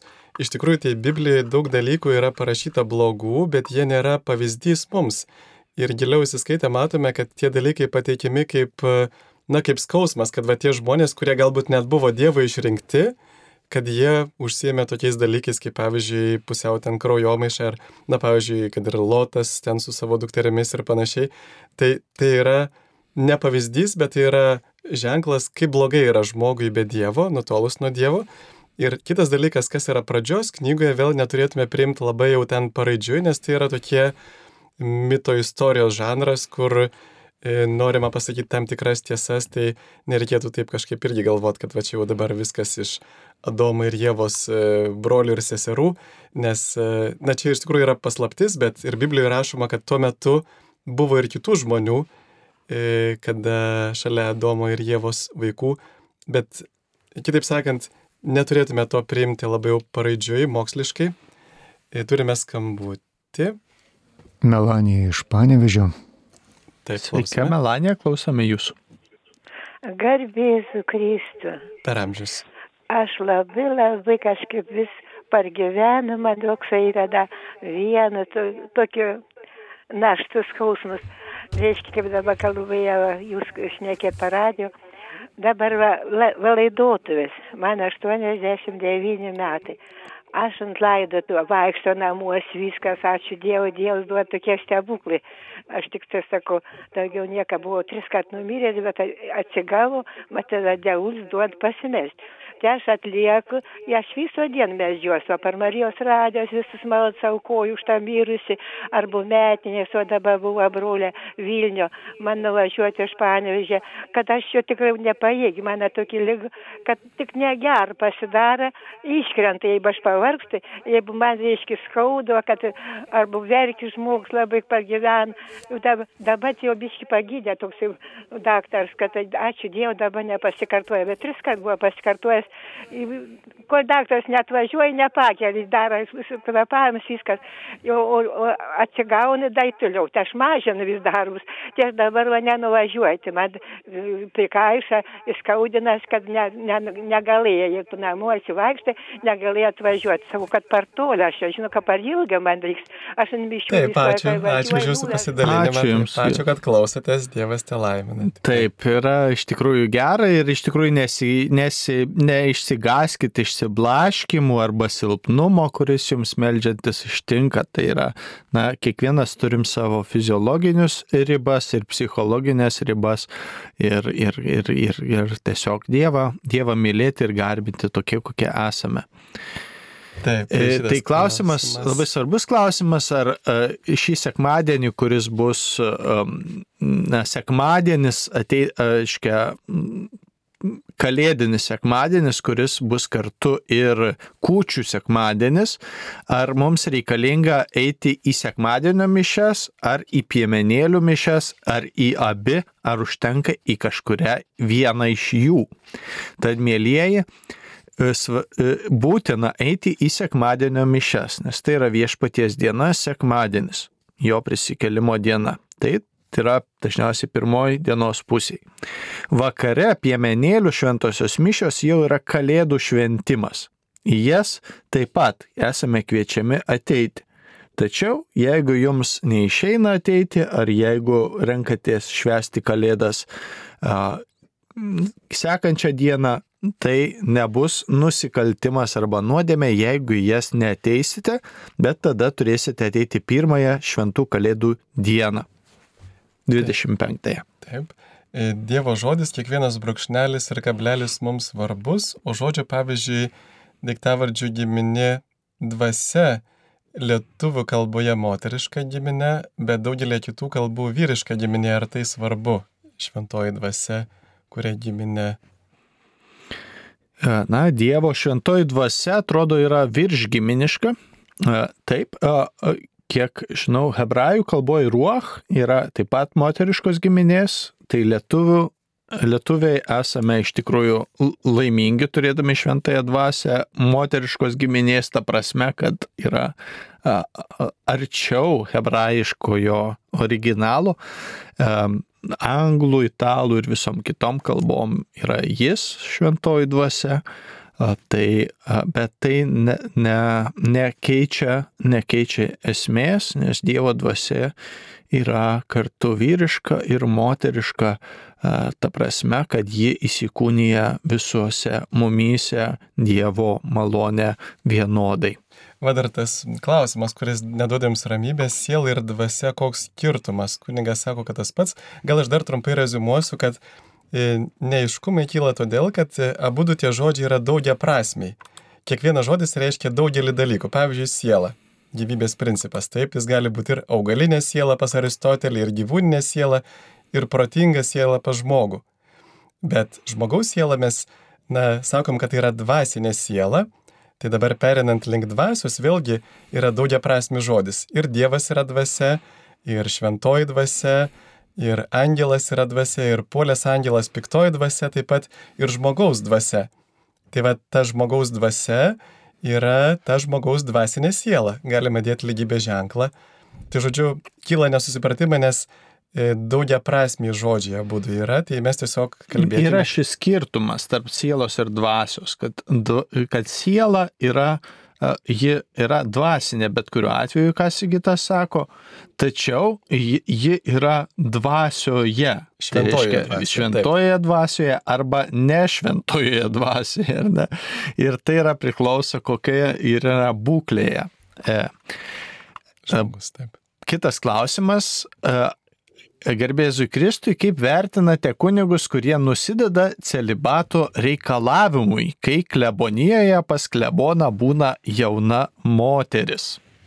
Na, jeigu moteris būna, tai dar nebūtinai tas, e, na, jisai celibatas reiškia nevesti, neturėti šeimos. Tai jeigu jinai nėra žmona ir jeigu jinai būna su klebonu, tai dar nereiškia, kad, na, nereikėtų įtarinėti, kad e, tikrai, pavyzdžiui, kunigas Debskis jisai net nebijodavo dažnai važiuoti vienoje mašinoje su moterimis, jauna moterimi, jisai nekreipdavo dėmesio, ką žmonės kalba, nes, na, jis gyveno šventai ir prie jo tiesiog net nelipdavo tokie visokie, tokios, tokie įtarinėjimai. Taip, Ta, nes šiais laikais e, žmonės yra tokie, kad jie pamato kunigą na, įprasta, jeigu, žinai, kažkur bendrauja su kokiam nors merginom ar kokiam nors moterim ir panašiai, iš karto jau taip pat klyjuoja, va, matai, kunigėlis taip ir taip. Tai, na, kaip sakoma, niekas prie lovos su žvakė nestovi ir nebūdi, lieka sąžinės klausimas tam kunigui ir turbūt bendruomeniai, nu, nėra pirminis klausimas išsiaiškinti kiekvienu atveju, ką reiškia tas ar kitas žmogus. Taip, čia gali viskupai su žvakėmis stovėti prie lovo, mūsų tas neliečia, taip? taip. Ar, ar nieko nedarome, kad kuningas Juozas Montvilas, kuris plaukė Titaniku ir užleido savo vietą ir žuvo, e, ar jis, kad jis būtų paskelbtas palaimintoju? Juozas mhm. Montvilas. Taip.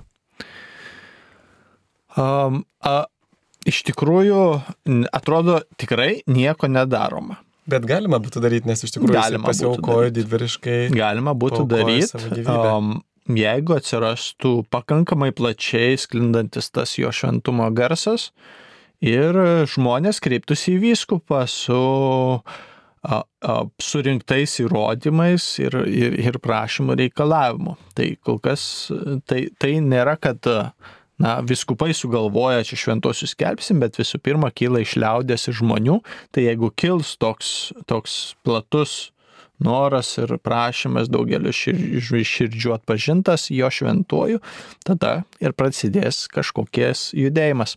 Galime ir laidą turbūt apie tai padaryti, apie jį. Prašau paaiškinti, kuo skiriasi švestas vanduo nuo egzorcizuoto vandens ir ar galima Velykinių vandenių šlakstytis. Iš esmės kiekvienas vanduo yra šventas ir egzorcizuotas, jeigu egzorcizmo metu duodama išgerti vandens, kuris yra pašventintas, tai bet kuriuo atveju na, veiksmingumas yra vienodas. Ne? Tai, bet kai kuriais atvejais vanduo yra konkrečiai šventinamas su intencija, su malda, už kažkurios namus ar už žmonės, kurie jos naudosis, kad tai būtų aps, apsaugai nuo piktosios dvasios ir tada mes tą intenciją, tą maldą tarsi pajungiame, pajungiame na, savo troškimą, kad būtumėm apsaugoti Dievo malonę, ne, ne to vandeniu, ne kažkaip magiškai, kad šitas vanduo mus apsaugos, bet pasitikim Dievo malonę, kuri per tą pašventinimo ženklą mus saugo. Ir Bet šventoji Teresė Vilietė sakydavo, kad piktoji dvasia labai labai bijo švesto vandens, jinai tą tiesiog patirdavo, tai tikrai man atrodo yra nuostolis, kad mes per pandemiją daug kur atsisakėme švesto vandens bažnyčiose. Jo, Taip. dabar jau sugrįžtame, atrodo. Noriu suprasti Dievo šventosios dvasios veikimą, kaip suprasti Dievo valią, kaip būti tikrų katalikų Dievo vaikų. Tai e, jeigu jūs jau norite suprasti, vadinasi, esate. Dievo žodis atskleidžia Dievo valią, taip. Taip. E, angelo malda prie mirusio atrodo, kad mirusiam prašome, e, taip, čia nelabai perskaitom žinučių, prašom rašyti be lietuviškų raidžių. E, ar planuojate į klaus drąsiai kviesti ganytojus vyskupus? Na, gal ir gera mintis, bet jie paprastai būna labai jau užsijėmę, bet galima būtų pabandyti pakviesti. Aha. Ar nelaukimas ir nenoras sutikti kalėdas yra nuodėmė ar ne? Sutikti kalėdas turime iš tikrųjų nenorėti sutikti kalėdas, bet sutikti Jėzaus gimimą. Nes turime dvi šventes. Vienas yra mūsų kalėdų tūsas pasaulį blizgantis, kitas yra Jėzus užgimstantis. Taigi esam pašaukti pasveikinti, sutikti Jėzų, o kokios tos kalėdos mums bus, čia yra jau mūsų irgi noro ar nenoro, nesijauskime prievartaujami švesti kažkaip ypatingai, bet tikrai pasveikinti, išpašlovinti Jėzų Kristų, kuris yra gimęs mūsų išganytojas. Apaštalų darbuose rankas ant kitų deda apaštalai ir vyresnėji, šiuo metu tai būtų viskupai ir kunigai, palaiminimu apie jį nelaiminant žmogų pasauliečiai nededa rankų, Taip pat bažnyčios tradicijoje to nebuvo, kodėl daroma klaida, kad užtarimo maldoje pasauliečiai deda rankas ant kito žmogaus. Taip, rankų dėjimas bažnyčios tradicijoje nėra rezervuotas tik kunigams, e, viskupams ar kitiems pašvestiesiems. E, jeigu žvelgsime tiek į katalikų bažnyčios tradiciją, uždėti ranką kaip ženklą užtarimo maldai, ne kaip sakramentinį ženklą, buvo dažnas, da, dažnas maldos būdas ir mūsų visoje bažnyčios istorijai. Tai yra tiesiog Dievo artumo ženklas, kuriuo prašoma jo malonės. Tai nėra kažkokie šventimai, tai nėra sutvirtinimo sakramento teikimas, tai, tai yra užtarimo maldos ženklas. Pavyzdžiui, viduramžiais dėdavo rankas artimieji ant savo tėvai, ant savo vaikų jos laimindami, arba pasauliečiai melsdami išlaisvinimo, kurie turėdavo tas tarnystės, dėdavo rankas ant kitų ir panašiai vien katalikų bažnyčiai. Taigi, kaip pasiruošti esame... išpažinčiai, klausė Irena. Gerai pasiruošti. Kuo geriau. Skirti laiko. Skirti laiko.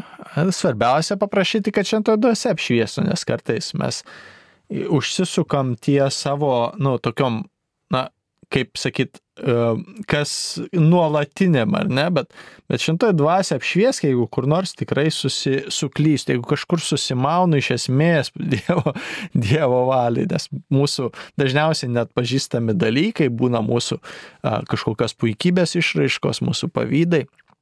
Mūsų kažkokie, na, nežinau, vėlgi tokie, nu, paslėpti vidiniai, tai teisoliškumai, teisimai, kur save laikom teisiu ir kada, reiškia, žmogus save laiko teisiu viena ar kito, jam tada yra labai sudėtinga suvokti, kad aš dabar galiu čia kažkaip ne, ne, ne, ne, netinkamai, reiškia, būti pagal Dievo planą. Tai tiesiog nuolankiai prašyti, kad viešpats apšviestų, apšviestų mus, mus dėl dėl mūsų gyvenimo tikrovės pagal Dievo žvilgsnį. Ir kartu ne, nesivadovauti vien tik savo atmintimi ar įkvėpimais, bet paskaityti tekstus maldaknygį, tikrai nepatingėti, perskaityti. Jo. Ir dar e, tiem žmonėm, kurie neranda, nu pavyzdžiui, sako, nieko nepavogiau, nieko nenužudžiau, tai galėtų pamastyti apie septynias didžiasias nuodėmės. Paprastai tiem žmonėm, kurie sako, aš neturiu nuodėmių, aš visą laiką duodu atgalai pamastyti apie septynias didžiasias nuodėmės ir tada tu pamatai, kad tu vis dėlto turi e,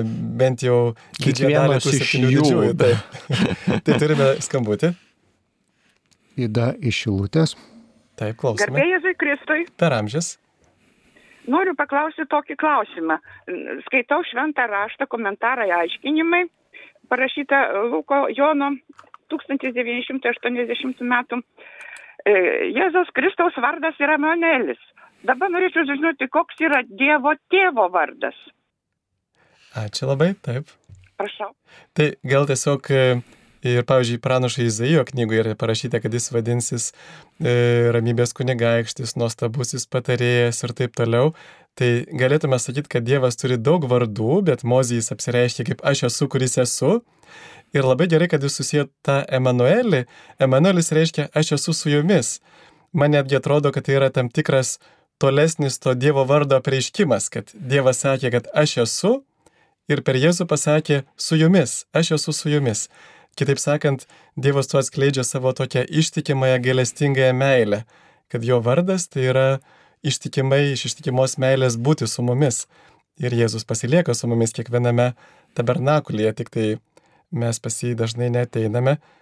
E, tai štai tie vardai, jie tarsi atskleidžia kažką tai iš tos e, begalinės Dievo gelmės. E, dar turėjom klausimą, kuo skiriasi, kada pagunda tikrai tampa jau nuodėme.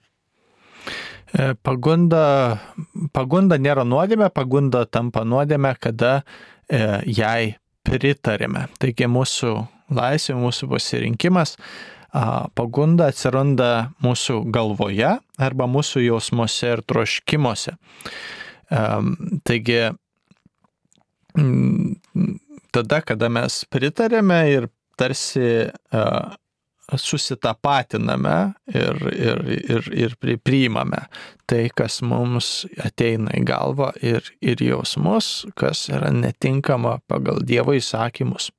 Ir, ir čia šventieji duoda tam tikrą na, nuodėmės gundimo eigą, kada mes iš pradžių, na, tik pasirodo ta kažkokia tai įvaizdis, ar mes tada kažkaip pradame pamėgti, prit, nebesipriešinti, pritarti, paskui jau norėti, na, žodžiu, yra tam tikri laipsniai ir visgi reiktų stengtis, kad jau pačioje pradžioje e, stengtis ugdyti tokį pasibjaurėjimą nuodėme, kad jie nepritartume. Dar mačiau, buvo vienas labai geras klausimas apie kaip dažnai eiti iš pažinties, jei padarau pasikartojančią nuodėmę po išpažinties, jau tą pačią dieną ar po dienos, ar eiti iš pažinties iškart, ar laikytis įprastinio ritmo, pavyzdžiui, kas savaitę ar kas dvi, ir kodėl Dievas leidžia dažnai pasikartojančias nuodėmes? Dievas jokių nuodėmų neleidžia, jas darome mes. ir kartais iš savo įpročio palinkimo daryti kažką netinkamai, arba iš ja, to neregimo mūsų sielų ir gyvenimo priešo įtakos pagalbos patarimo, reiškia, kuriam, kurio paklausome. Bet mūsų silpnumas yra šis, kad mes atrandame, jog esame netobuli ir mums reikia Jėzaus. Mums reikia Jėzaus. Jėzus yra mūsų gelbėtojas. Čia yra svarbiausia mums. Ir galime eiti iš pažinties, kad atpažįstame, jog sunkiau nusidėjome tikrai ne, neįpulti į skrupulus, kad čia dabar kažką vėl padariau ir jau čia viskas dabar atsiskyro nuo Dievo, kad iš tikrųjų sunkioj nuodėmė atsidurtum, reikia pasistengti. Na, blogąją prasme jau pasistengti. Mėlyjeji, Dievo malonė, Dievo gailestingumas yra virš bet, mūsų mažų klaidų ir visokių suklupimų. Bet aš, pavyzdžiui, norėčiau paprieštrauti, nes, nu, kaip pavyzdys, pavyzdžiui, skrenda lėktuvo pilotas ir jis tai te turi tik tai paspausti vieną mygtuką, kad suspaudintų, pavyzdžiui, tūkstančių žmonių ir tai tikrai nekainuoja daug pastangų. Tai va kartais būna, kad arba, pavyzdžiui, kokį vieną žodį pasakom piktą o tas žmogų giliausiai sužeidžia. Tai iš tikrųjų nereiktų galvoti, kad sunkia nuodėmė padaryti yra labai sunku. Mes galim labai lengvai padaryti sunkia nuodėmė. Ja, taip, iš tos pusės taip. Kur, Bet kur mums atrodys nieko tokio, iš taip, tikrųjų. Didelės jo, pasiekmes, taip. taip kokie negimusią vertus... gyvybę nužudyti. Taip, pavyzdžiui, abortą padaryti. Nu, tai kas čia, esu girdėjęs. Tai kas čia, čia, čia, čia išvalymas, čia nieko blogo, žinai. Taip. Tu tai, žmogus žmogžudystę padarė, o čia nieko tokio. Ir kita vertus, pačioje viduje, pačiame viduje mes jaučiame, kada mes priešinamės, tai tuomet nebus sunkios nuodėmės. Nu, pavyzdžiui, ten vairios ten priešskaistybė pagundos, jeigu aš priešinuosi, aš tada jau nebūsiu sunkioje nuodėmė, bet jeigu aš leidžiu, kad tai viskas vyktų, tai tuomet gali ir vykti sunkiai nuodėmė. Taip. Tai ir aišku, aš patarčiau, kad iš pažinties geriau eiti dažniau negu rečiau, tik tai ne tada, kada, pavyzdžiui, prieš kalėdas didelės eilės, bet, na, kada yra tikrai galimybė kunigui nevarginant, galime ir sekančią dieną nueiti, jeigu tai padeda, nu, užkirsti kelią tolesniai tai nuodėmės kartojimai. Marija paslaptingai rožė per apsireiškimus sakė, kad pirmiausia turi šventėti kunigai, tada atsivers ir pasauliečiai. Kokia gražiai išvalga labai. labai Linkėkime kunigam šventėti, bet e, ir tai priklauso nuo jūsų maldų. Kunigų, kunigai nenuvys ne vieno. Vis tiek e, šventuvo keliu kiekvienas eina e, savo kojomis. Ar reikia melstis už negimusius vaikus ir kokias maldas kalbėti? Taip, juos pavesti Dievo gailestingumui galime įvairiausiomis maldomis, Um, Nesuskaitom, čia labai sunku suskaityti. Ai, ten buvo nes... žodis, ar tą, tą patį dalyką reiškia garbė ir šlovė, kuo skiriasi tie žodžiai. Taip. Uh, garbinimas ir šlovinimas yra dvi maldos uh, būdai, uh, kuriame mes uh, garbiname Dievą. Dievą garbiname dėl to, koks jis yra, kas jis yra. Dieve, tu esi meilė, tu esi gerumas, tu esi teisumas, tu esi tiesa, tu esi gailestingumas, tu esi visagalis. Tave garbiname, nes tu toks esi ir mes tave, kaip tavo kūriniai, kaip tavo mylimieji, tave šloviname tai, kas tu mums esi, amžinai toks esi. Dievą šloviname už visus jo darbus Dieve, už tai, kad tu mūsų kūrei, kad davė mums gyvenimą, šloviname tave, kad pašaukiai tikėjimo kelionę, šloviname tave už visus žmonės, kuriuos davė mums gyvenimo kelyje, tave šloviname už, už mūsų tautą, už mūsų, mūsų visus dalykus, kuriuos gauname iš tavęs. Dievą šloviname už jo dovanas ir jo veikimą mūsų gyvenimo, už sakramentus, už bažnyčią. Bet turbūt galima sakyti, kad čia yra sinonimai praktikoje sinonimai, taip. teologijoje skirtingi A, žodžiai. Taip, turime skambutį. Irena iš Šiaulių. Taip, klausome jūsų. Garbėzai Kristai. Per amžius. Norėčiau jūsų paklausti tokį dalyką. Ar jūs žinote, kad, kad Karavadžio paveikslas mato pašaukimas tikrai yra ir aš girdėjau apie jį pasakojant vyskupo Liongino labai gražiai, aš esu, matot, su regėjimo negalė, man labai yra aktualu, ką, ką pasakoja. Ir ar yra tikrai toks paveikslas e, Kristaus gimimas, kuris e, iš, e, čia gro, iš grožinio kūrinio buvo kūrinį, e, tas, e, ta drobė pavokta iš bažnyčios ir taip neaišku, ar jis išliko, ar jai buvo atrasta ar ne. Ačiū labai supratom klausimą, į jį turbūt negalime dabar atsakyti. E, ir jo, prašytume klausti tokių klausimų, kurie labiau yra tokie liečia visus žmonės, tokie platesni klausimai. Jo, taip. bet atrodo, Karavadžio ir yra Kristaus gimimo paveikslas, yra, kuris taip. yra žinomas. Taip. taip. Ką reiškia žodžiai adoracija ir kontempliuoti Dievo žodį? Um, vertimo konkrečių iš latinų kalbos na, tokios semantinės reikšmės. Um, um, Garbinimas taip adoracija, o kontempliavimas. Adoracija kaip, kaip žavėjimasis ir garbinimas, ar ne, reiškia. O kontempliavimas, jeigu išverdus, tarsi toksai ėjimas ratu, vis toks gilinimasis. Kontempliacijos esmė yra buvimas kartu. Tai yra buvimas kartu. E, Tai buvimas laiko leidimas kartu ir tas, reiškia, vienybės išgyvenimas, kada leidžiame Dievui tapti vis labiau mūsų savasties dalimi ir mums tapti jo savasties dalimi. Ar tiesa ir teisumas, kame skirtumas? Labai geras klausimas, Geras. mėlyjei. Tiesa, a, kaip tokia, yra tai, kas egzistuoja. Tai, kas egzistuoja, tai yra, kas įvyko, buvo praeitį ir mes apie tai šiandien kalbame, kas šiuo metu yra ir egzistuoja, arba kas bus ateityje. tai Minčių jau tampa tikroviai, pavyzdžiui. Taip, tai ir tampa, a, tai tampa, a, na, tiesiog pagrindu to, kas yra. Tai jeigu į ateitį jau žvelgiant, tai jau tampa tiesos pranašystė. Ja tik Dievas mums gali atskleisti. Teisumas kaip toksai, mes esame įpratę, žmogus yra e, save laikyti dažniausiai esame įpratę teisėjais. Ir kartais kitus vertiname, tas teisus, tas neteisus, dar kažką. Ir labai įdomus yra biblinis žvilgsnis į teisumą, mėlyjei. Pagal šventraštį teisumas tai nėra kas teisus ar kas neteisus. Pagal Bibliją teisumas yra, teisus žmogus yra tas, kuris rūpinasi kitais. Ir Čia Dievas yra teisusis, Dabar yra ir Dievas yra teisusis, nes jis mumis rūpinasi.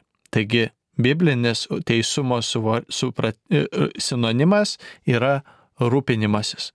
Dievas savo apvaizdą ir globa yra amžinai teisus, nes jis rūpinasi žmogumi jo išganimui, savo kūriniu. Ir žmogus tampa teisus, kai rūpinasi Dievo valia ir savo artimų gyvenime.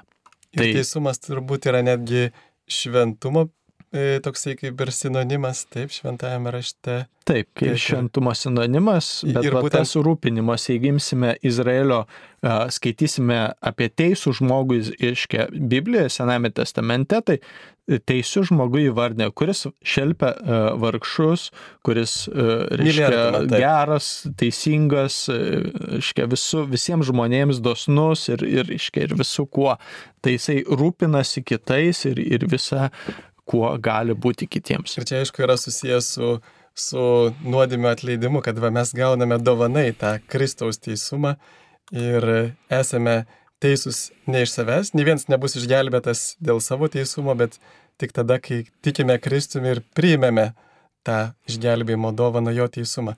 Tai šiandien laidą jau turime baigti. Dėkojame, kad klausėte, rašėte, dar daug žinučių nespėjome atsakyti. Dėkojame kunigui Andriui, kad sutiko dvi valandas savo paukoti čia. Ačiū Sigitui kėdės, už tai- tokią kantrumą visada keliauti kartu. Tai gal galėtumėt paprašyti, kad Dievas laimintų klausytojus. Ačiū tau, Jėzau, kad mes girdėdami vienas kitą ir, ir pasisemdami, bandydami išgirsti ir atpažinti tavo, tavo vedimą ir tavo troškimus mūsų gyvenime, esame tavo vedami šiame pasaulyje ir, ir vedami jam žinasias viešpatie džiaugsmo ganyklas, kuriuose ne tik aiškinsimės, bet ir matysime visą, kaip yra. Tad palaimink mus viešpatie jau dabar, širdies ir proto šviesa ir aiškumu mums gyvenime, keliaujant su tavo sunumi, tėve, šventoje dvasioje, vardant Dievo tėvą ir sunaus ir šventosios dvasios. Amen. Dėkojame Dievui ir sudė. Dievo.